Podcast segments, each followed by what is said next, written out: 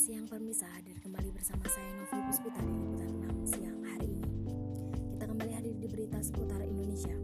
Indonesia merupakan negara nomor dua yang memiliki keanekaragaman hayati biodiversitas yang melimpah. Namun sangat disayangkan sekitar 95% bahan baku pembuatan obat masih harus diimpor.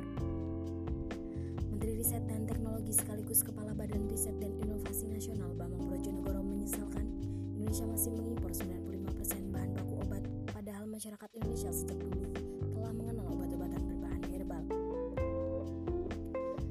Dialog secara virtual, Bambang menyampaikan masyarakat sering tertipu jika ada statement banyak obat yang dibuat di Indonesia karena yang sebenarnya terjadi di dalam negeri hanya pengolahan akhir obat saja.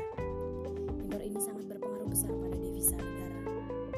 Direktur Jenderal Industri Kimia, Farmasi dan Tekstil Kementerian Perindustrian Muhammad Hayam menyampaikan bahwa kebutuhan dalam negeri terkait obat-obatan sudah 70% ditangani oleh industri farmasi.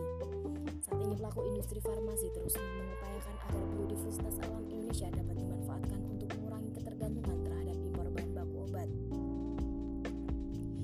Eksekutif Dr. DK Laboratories of Biomolecular Science Raymond Chandra Winata juga secara mandiri mendirikan laboratorium serta melakukan berbagai riset untuk menemukan bahan baku lokal yang cocok untuk produk mereka. Raymond juga berharap bahwa seluruh fasilitas kesehatan di Indonesia mau beralih menggunakan omai, meskipun saat ini omai masih menjadi obat pelengkap dari obat-obatan kimia. Demikian berita liputan 6 siang hari ini